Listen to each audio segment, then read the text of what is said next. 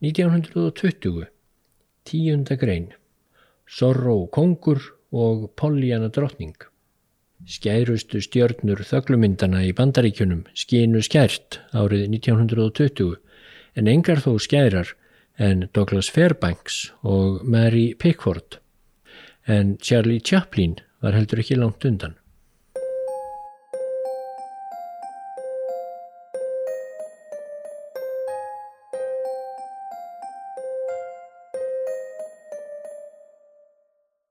Núna er öld síðan frumsýnd var Vestanhafs kveikmynd sem þykir að vísu alls ekki í hópi listaverka á kvítatjaldinu en markaðu þó furðu djúb spór og ásitt pláss í kveikmyndasögunni.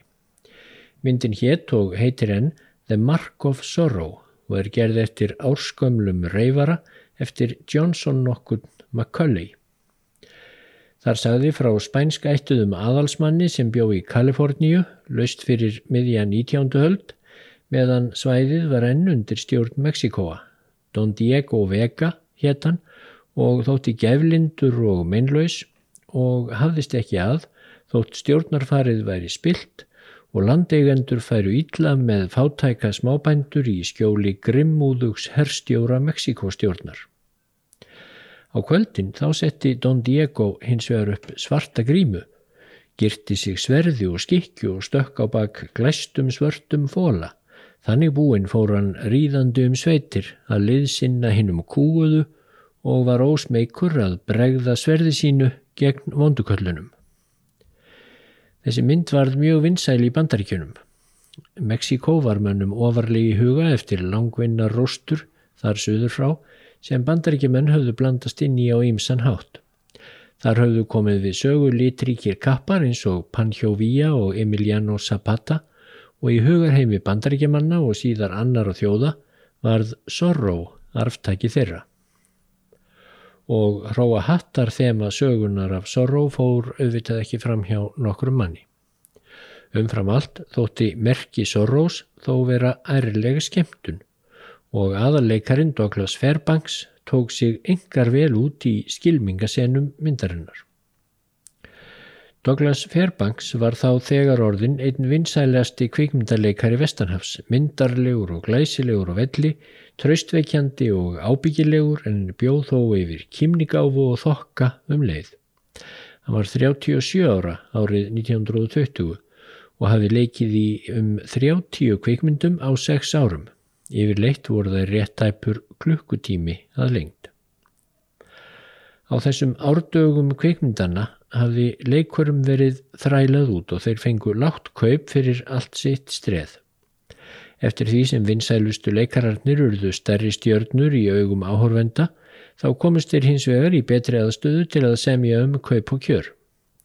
Og 1919 hafði Fairbanks tekið höndum saman við þrjá kunningja sína í bransanum og stopnað fyrirtækið United Artists eða saminaðir listamenn þar sem hagsmunir listamannana skildu í heðri hafðir en ekki græðki stúdiómógúlana. Þessir þrýr kunningjar Fairbanks voru Charlie Chaplin, grínleikari sem þráði að gera sínar eigin myndir á eigin forsendum, D2 Griffith, aðsópsmesti leikstjórin í bandarískum kvikmyndaheimi um þær myndir og vinsælasta stjarnan af kvenkinni, hinn mjög svo dáða og elskaða Marie Pickford. Eitthvað sögulegt hlaut að gerast þegar þetta fólk tók höndum saman hugsuðu bandarískir kvikmynda áhuga menn og ekki mingaði spennan þegar fréttist að Fairbanks og Pickford væri farin að draga sig saman. Í mars 1920 gengur þau í hjónaband með mikilli og glæstri viðhöfn og vakti tilstandið gífurlega aðtegli. Og Evrópamenn voru ekki síður ginnkiftir fyrir fréttum af þeim skötu hjúum Fairbanks og Pickford. Þegar þau fóru í brúköpsferð til Evrópu kom sumstaðar til uppþóta þegar fólk flykti stað til að reyna að koma auga á konungin og drottninguna í Hollywood eins og þau voru kölluð. Þá þegar var fyrirtæki þeirra United Artists byrjað að dæla út vinsælum myndum.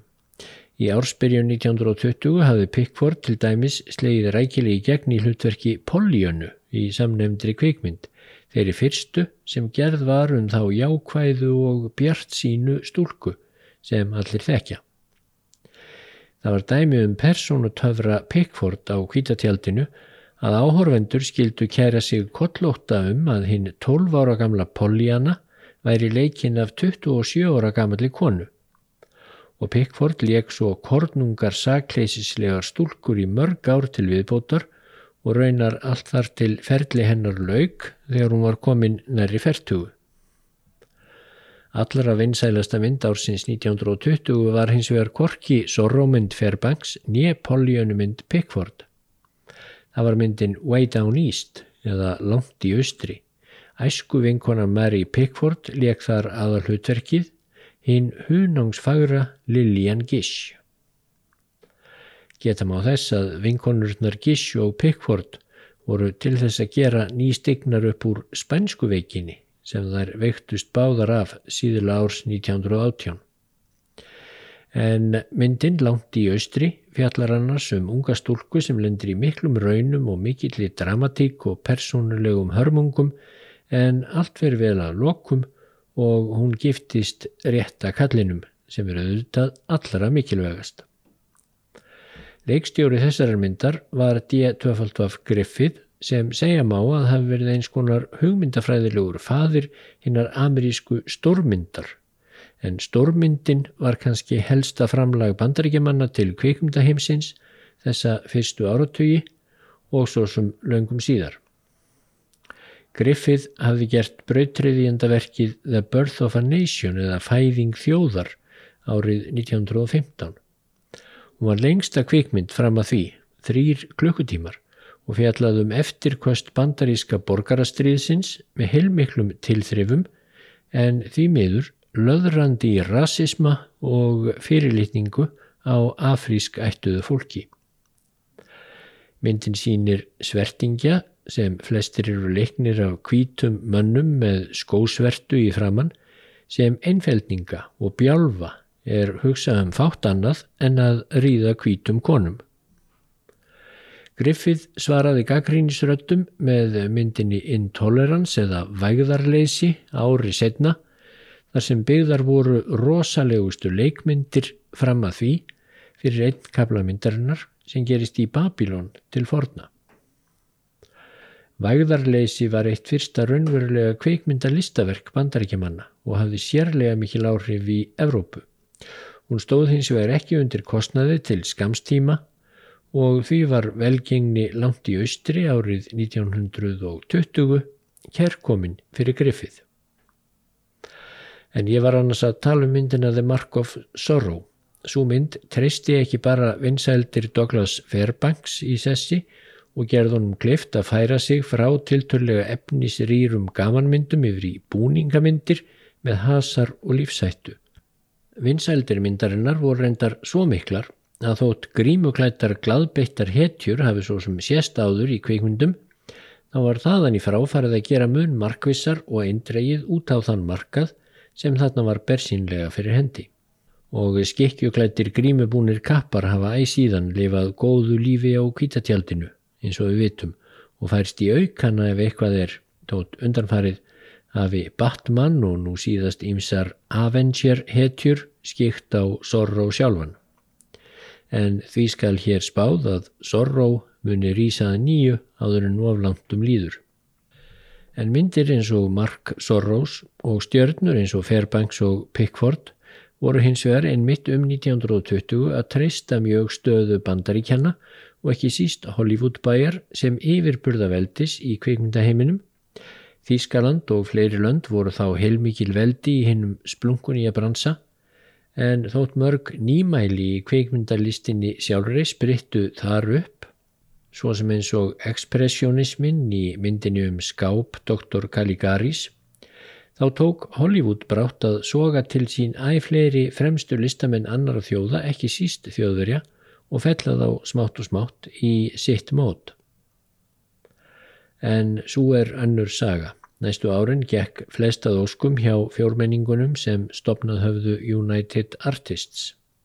Það vísu tók að Hallundan fæti hjá Griffith þegar líða fór á þriðja áratugin en 1921 sprakk Chaplin hins vegar út þegar frumsýnd var mynd hans The Kid eða Krakkin. Með þeirri mynd hófst svo ótrúlega runa snildarverka sem Chaplin sendi frá sér í Ameríku næsta hálfan annan áratögin, Gullæðið 1925, Sirkus 1928, Borgarljós 1931, Nútímin 1936 og Einræðisherran árið 1940 verk sem vissulega skikja á allt það sem Griffith, Fairbanks og Pickford tóku sér fyrir hendur um æfina. En frægðu frami Fairbanks og Pickford vóks stöðugt á þriði áratögnum og farið var að líta á þau sem ekki bara kong og drotningu í Hollywood heldur í bandaríkjunum eins og þau lögðu sig.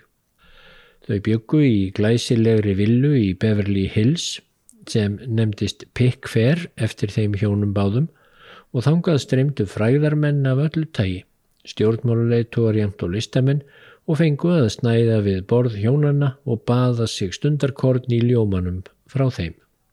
Albert Einstein var til dæmis gestur þeirra oftar en einu sinni en hvort mikið var rætt um afstæðiskenninguna undir borðum fylgir ekki sögunni. Bakvið glæst yfirborðið fóru þó að koma í ljós sprungur. Korki Sorró kongur nýja Pollíana drottning réðu við talmyndirnar þegar þær komu til sögunar um 1930 og bæði flosnuðu upp frá ferli sínum. Fairbanks helt framhjá og skildi að lokum við sína góðu Pollíanu. Hann fekk hjartaslag í desember 1939 og dó skamu síðar 56 ára. Síðustu orð Sorrós voru, mér hefur aldrei liðið betur en það var blekking eins og svo margt annað í lífi Douglas Fairbanks og Ferli. En hún, Pollyanna hans, var þá löngu tínd í myrkri veröld alkoholisma og kójufylliríja. Mary Pickford lokaði sig inn í söfnirbergi sínu og þegar gestir komu fenguð þeir í hæstalagi að tala við hennar í síma. Hún dó 1979.